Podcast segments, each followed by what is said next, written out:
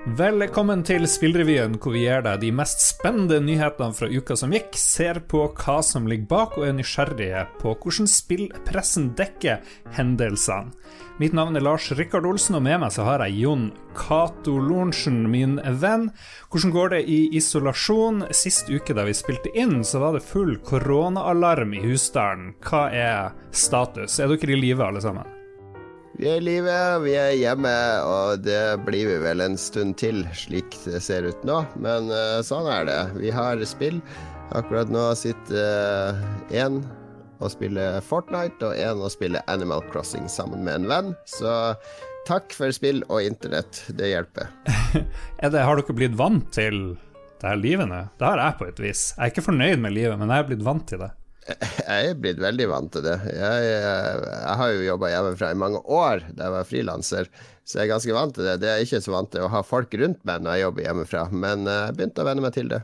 Vi hopper rett på forrige ukes nyheter, og et av årets mest etterlengta spill, Final Fantasy 7 Remake, som kommer 10.4, har plutselig dukka opp i butikkene IT-avisen har bl.a. meldt at flere butikker i Norge selger det japanske rollespillet allerede nå. Og kilden IT-avisa siterer, det er vår egen nettside lolbua.no, der du for tida blogger flittig, Jon Cato. Har du kjøpt Final Fantasy 7?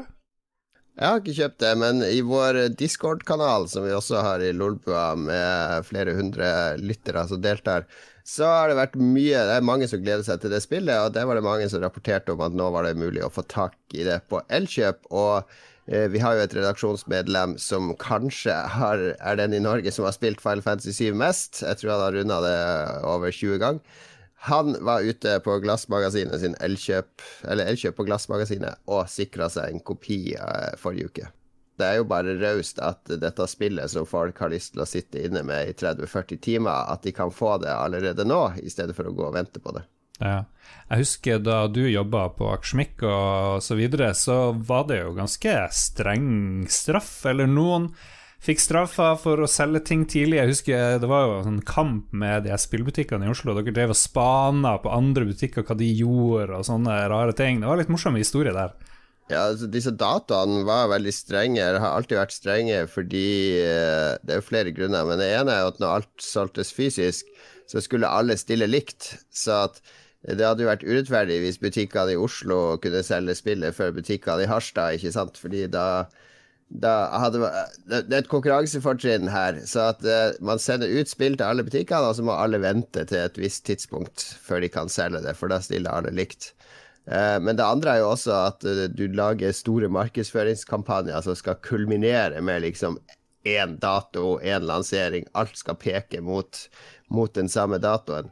Og Vi drev jo og passa på hverandre i Oslo. Vi sendte ned spioner på Spiderman for å se om de solgte Tomb Raider 2. Jeg var kjøpte Tomb Raider 2 eh, før lanseringsdato på Spiderman. Tok med kvitteringer som vi faksa inn til Nordisk Film i Norge for å vise at Spiderman solgte det før tida. Og konsekvensen for Spiderman da var at de fikk ikke neste batch med spill som kom. Uh, det fikk de to dager etter alle andre. Mm. Uh, så da kom han sjefen på Spiderman da, han kom opp til meg i Akersvik, og så skulle han kjøpe ti eksemplarer hver av de fire spillene som kom den uka, fordi Spiderman ikke hadde fått de spillene, så han sto der med 20 000 i cash og vifta og brølte i butikken og skulle ha disse spillene ned til Spiderman. Det var artige, artige cowboytider i butikkstanden. Det høres ut som en realityserie. Etter å ha sett Tiger King, så vil jeg ha mer sånne norske næringslivs-realityserier. Det må jo finnes. Du vet, Kevin Smith har jo en sånn realityserie om en tegneseriebutikk i New Jersey som han eier. Comic Book Men. De som står i kassa på den butikken, det er sånn 75% likt eh, sånn som det var å jobbe i Akersmik og Spiderman. Altså Det er sånne faste kunder som er inne, bare henger hele dagen, og du står og prater tull og tøys og drit bak eh, disken hele dagen. Det var gode tider. Final Fantasy 7, da. Alt er jo snudd opp og ned med koronaen, så det er jo vanskelig å få oppmerksomhet for noe annet enn akkurat det for tida. Eh, samtidig så virker jo det jo som spillene spiller en større rolle i folk sine liv. Uh, I og med at du skal sitte hjemme stort sett uh, døgnet rundt, og, og, de fleste velger å bruke veldig mye tid foran en skjerm, Så jeg tror jo Final Fantasy 7, uh, som et annet spill vi skal snakke om senere, Animal Crossing, kommer på veldig riktig tid, fordi det er nostalgi, og det er mimring, og det er uh, Folk spiller det jo først og fremst, tror jeg, for å huske tilbake til den uh, bekymringsløse tilværelsen. Du husker vel sikkert det sjøl, Lars, eh, på studenthybelen mm. på Kringsjå, når vi spilte Final Fantasy 7-demoen på nytt og på nytt og på nytt, og drømte om dette fantastiske japanske rollespillet. Det er jo en veldig sterk faktor i denne remaken, altså den eh, å reise tilbake i tid til, til mm. enklere tider. Og det er jo noe som veldig mange lengter etter nå som korona herjer.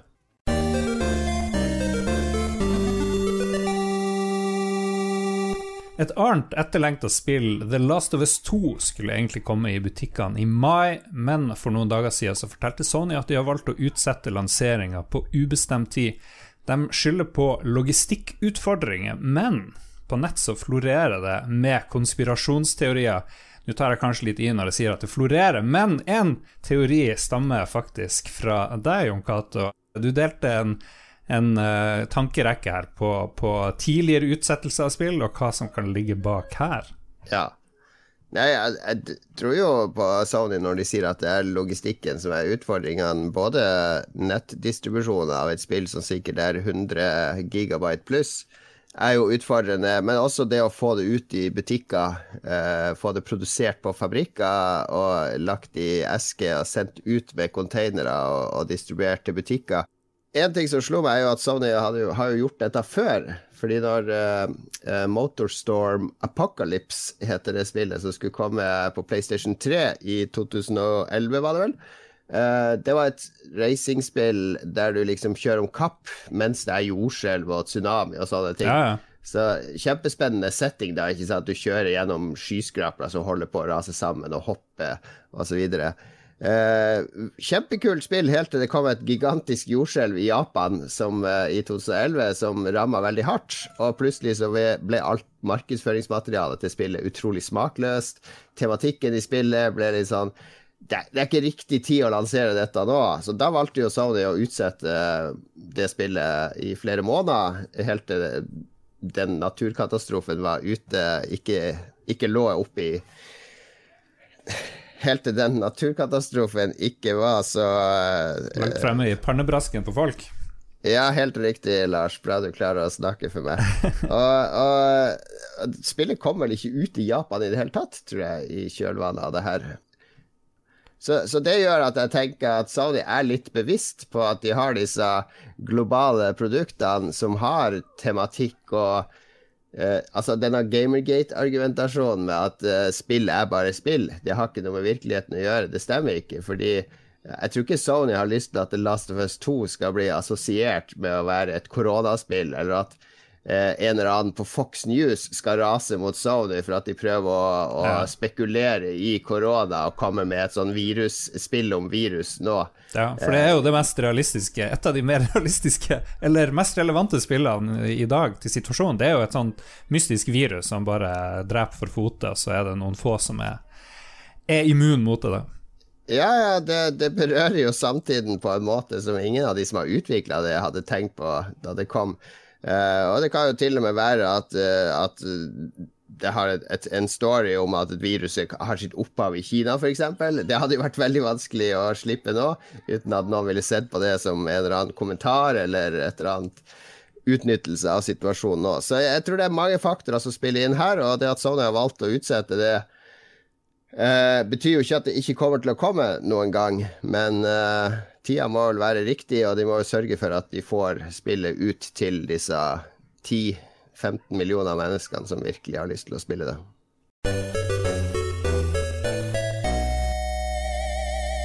Norsk Filminstitutt har satt av 14 ekstra millioner til utvikling av film, dramaserier og spill som reaksjon på koronakrisen.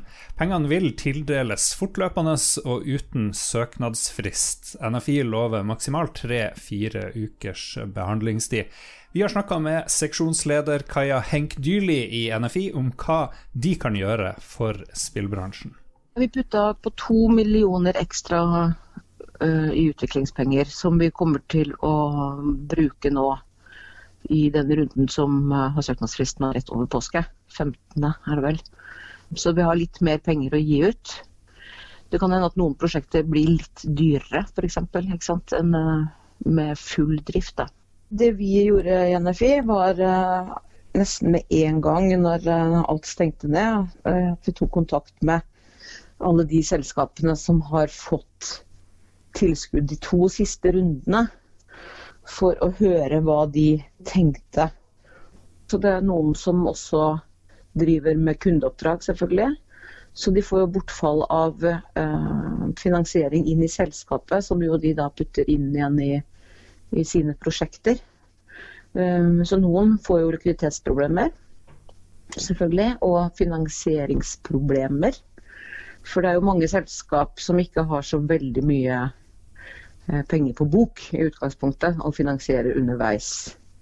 De fleste fortsetter jo med prosjektene sine, eh, men da basert på hjemmekontor, veldig mange. Så det er det flere som har spilt inn. Eh, og noen har jo også på en måte regna på det, at de taper sånn 10-20% fart inn i prosjektene sine. Men det er jo ikke Foreløpig så er det ikke sånne enorme konsekvenser for spillbransjen som vi ser, men det, det kommer litt an på hvor lenge dette varer, selvsagt. Ja. Har du noe råd og tips etter at dere har fått prata med litt folk? Og er det noen som gjør noe smart som andre kan lære av? Det håper jeg, at noen gjør noe smart. Men eh, vårt tips er jo å ta kontakt med oss, da. Hvis det er noe som vi kan bidra med. Vi, kan ikke, vi går ikke inn og, og kompenserer tapte inntekter, f.eks. Det, det kan vi ikke gjøre. Men vi kan hjelpe på likviditet ved å betale ut noe midler tidligere enn vi vanligvis gjør. F.eks. at vi deler opp den siste utbetalingsraten hos oss i, i, to, så man kan få litt mer penger inn hvis det er behov. Så Det som er mest bekymringsverdig, tenker jeg, er jo de som på en måte kan komme til å slite med å, å gjøre avtaler med samarbeidspartnere, som man jo selvfølgelig kan snakke med på telefon eller Teams eller Skype eller hva man må gjøre. Eh, men at man ikke får møtt, møtt folk på, på, de etablerte stedene som eh, veldig mange reiser til.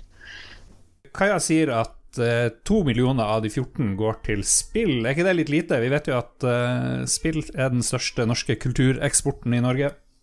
Ja, det, det minner jeg folk på hver eneste uke. Tro meg.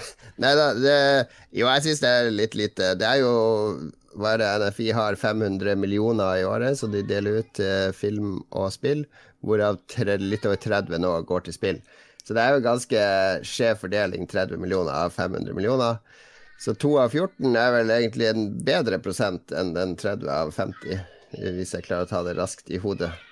Det er greit, og det er greit at de, de klarer å Eller jeg syns det er veldig flott at de klarer å reagere fort og ta det mm. alvorlig. Vi, vi, var heldige, som jeg har sagt før. Fikk tilskudd uh, rett før denne krisa. Så ja, ditt selskap Krillbite, for de som Ja, jeg må dikte opp nye ting vi kan bruke penger på hvis jeg skal søke om mer. Det orker jeg ikke gjøre. La de gå til de som trenger det. Ja, Og for de som hører litt sånn eh, styr og lyd i bakgrunnen, så er det hjemmekontortid, og da er det barn til stede, men vi gjør det beste ut av eh, det hele. Du kan høre det på Dagsrevyen nå, at det er barn i bakgrunnen. ja, nei, det er lov. Eh, ellers siste nytt fra spillutviklingsmiljøet. Hva, hva, hvordan er stemninga? Det er uh, veldig opp og ned, men det er mange som er nervøse. For min egen del så skal det ha Vi skal snart ha en del møter med utenlandske aktører om uh, samarbeid og, og, penger og investeringer.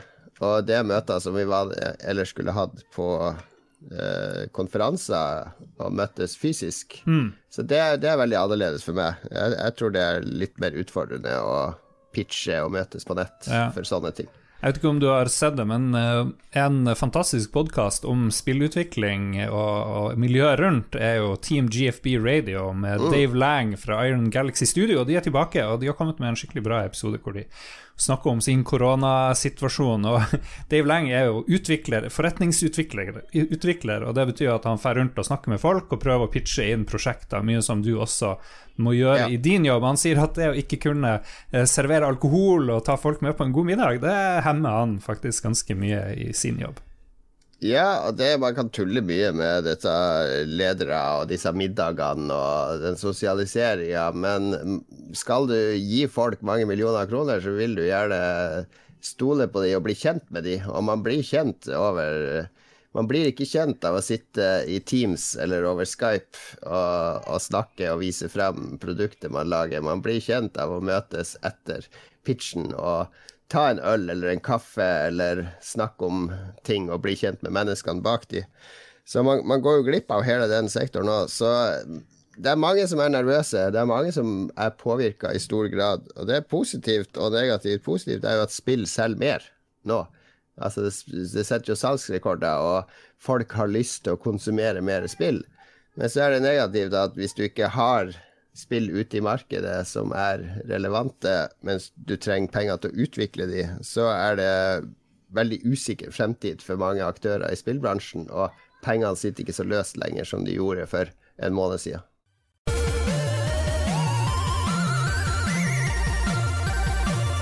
Animal Crossing New Horizons har satt salgsrekorder for Nintendo, og er det raskest selgende Switch-spillet i Japan.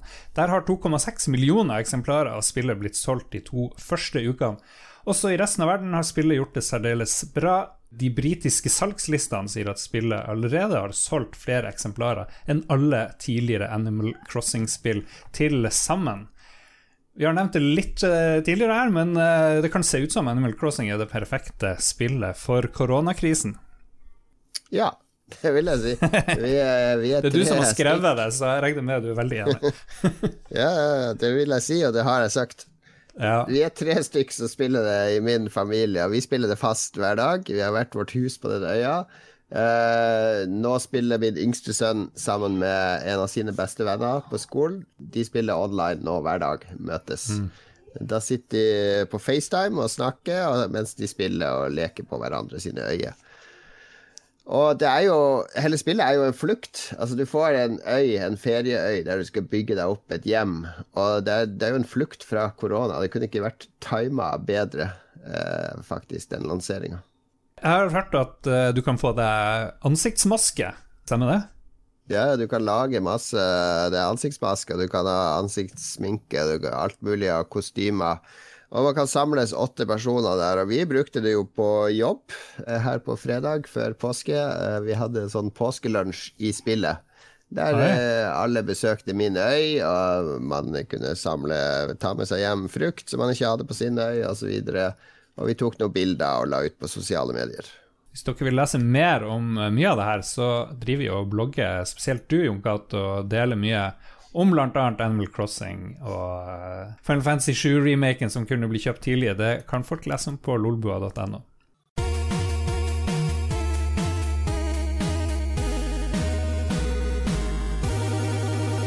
En av oppgavene vi har satt for oss i Spillrevyen, det er å se ekstra nøye på hvordan spillpressen i ikke bare i utlandet, men eh, kanskje spesielt i Norge dekker ulike ting. Hva er det de ser på, hva er det de ikke ser på?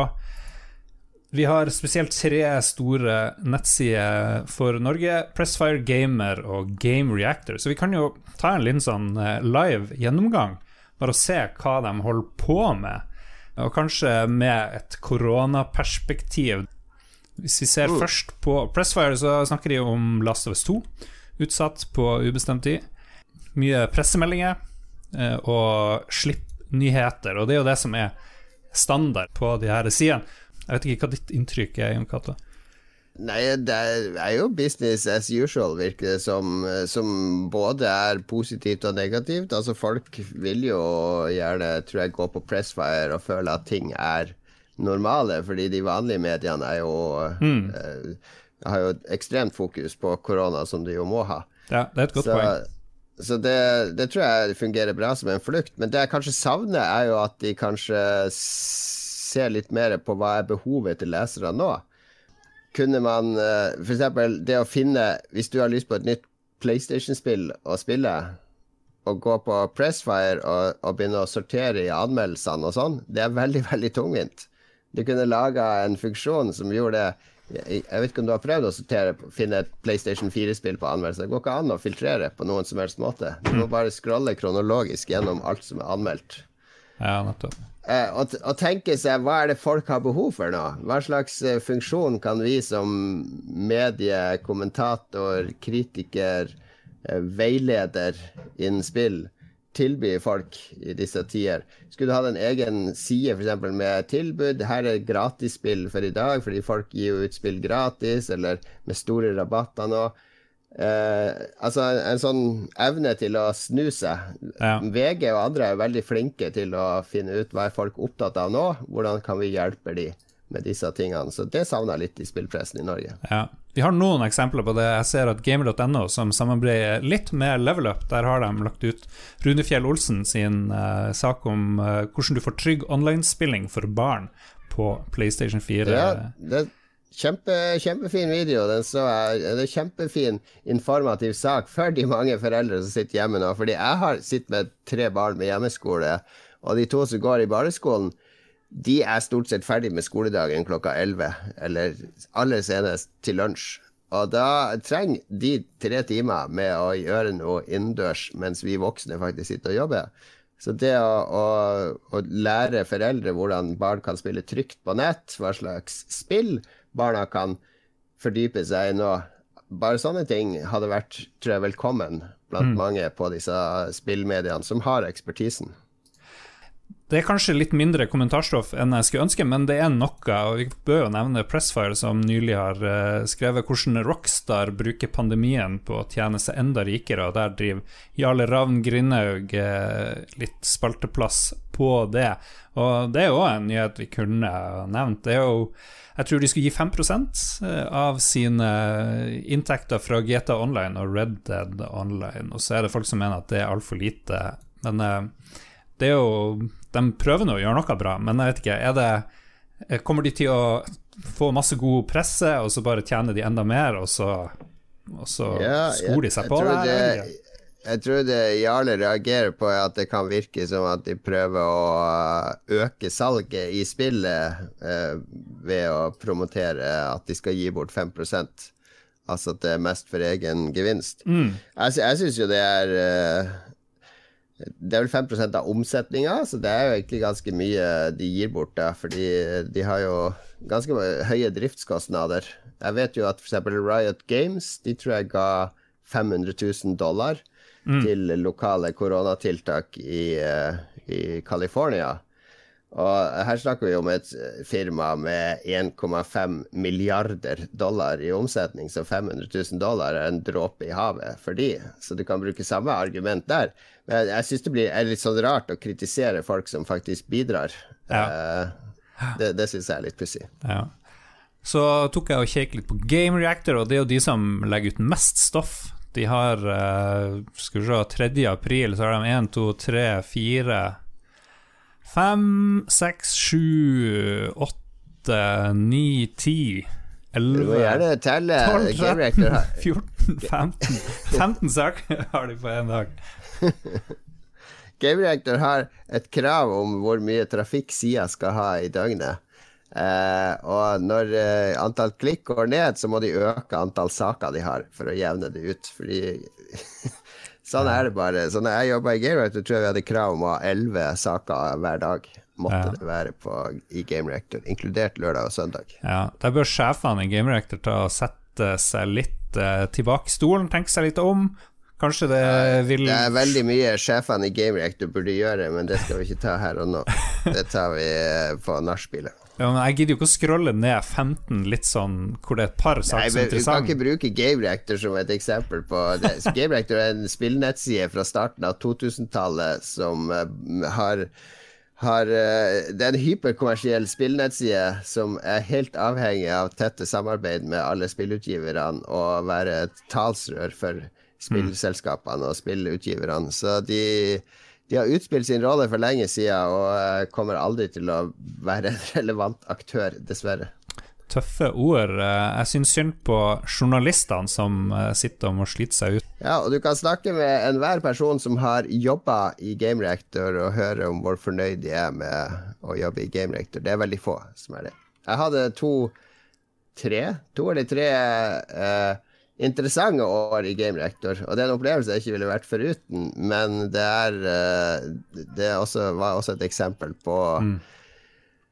rovdrift av folk og mennesker å lage et produkt som egentlig er ganske verdiløst.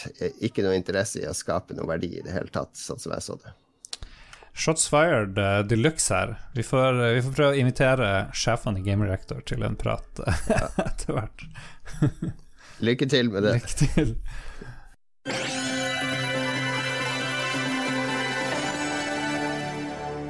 Hva er det vi skal gjøre nå, Jon Cato?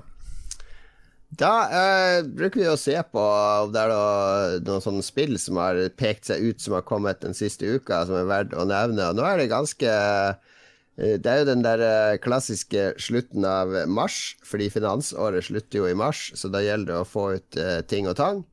Så det, plutselig så pøste det ut en del spill, eh, blant annet som vi har sagt Final Fantasy 7. Remaken er jo ute i uh, butikker nå. Resident Evil 3 har fått en remake, fordi Resident Evil 2 gjorde det jo fenomenalt bra i sånn oppussa versjon, så nå er treeren også ute. Uh, Call of Duty Modern Warfare 2 Remastered er ute. Det er jo ingen mm. nye spill. Altså, det er jo bare gammel drit som folk skal spille på nytt. Ja, det virker sånn, men det er jo, det er jo veldig interessante spill da for noen, tenker jeg. Det er ett nytt spill, da. Uh, altså det er én til remake, nemlig pers Persona, eller Persona, eller hvordan man uttaler det. Persona 5 Royal, som er en slags enhanced edition av uh, PlayStation-spillet Persona 5.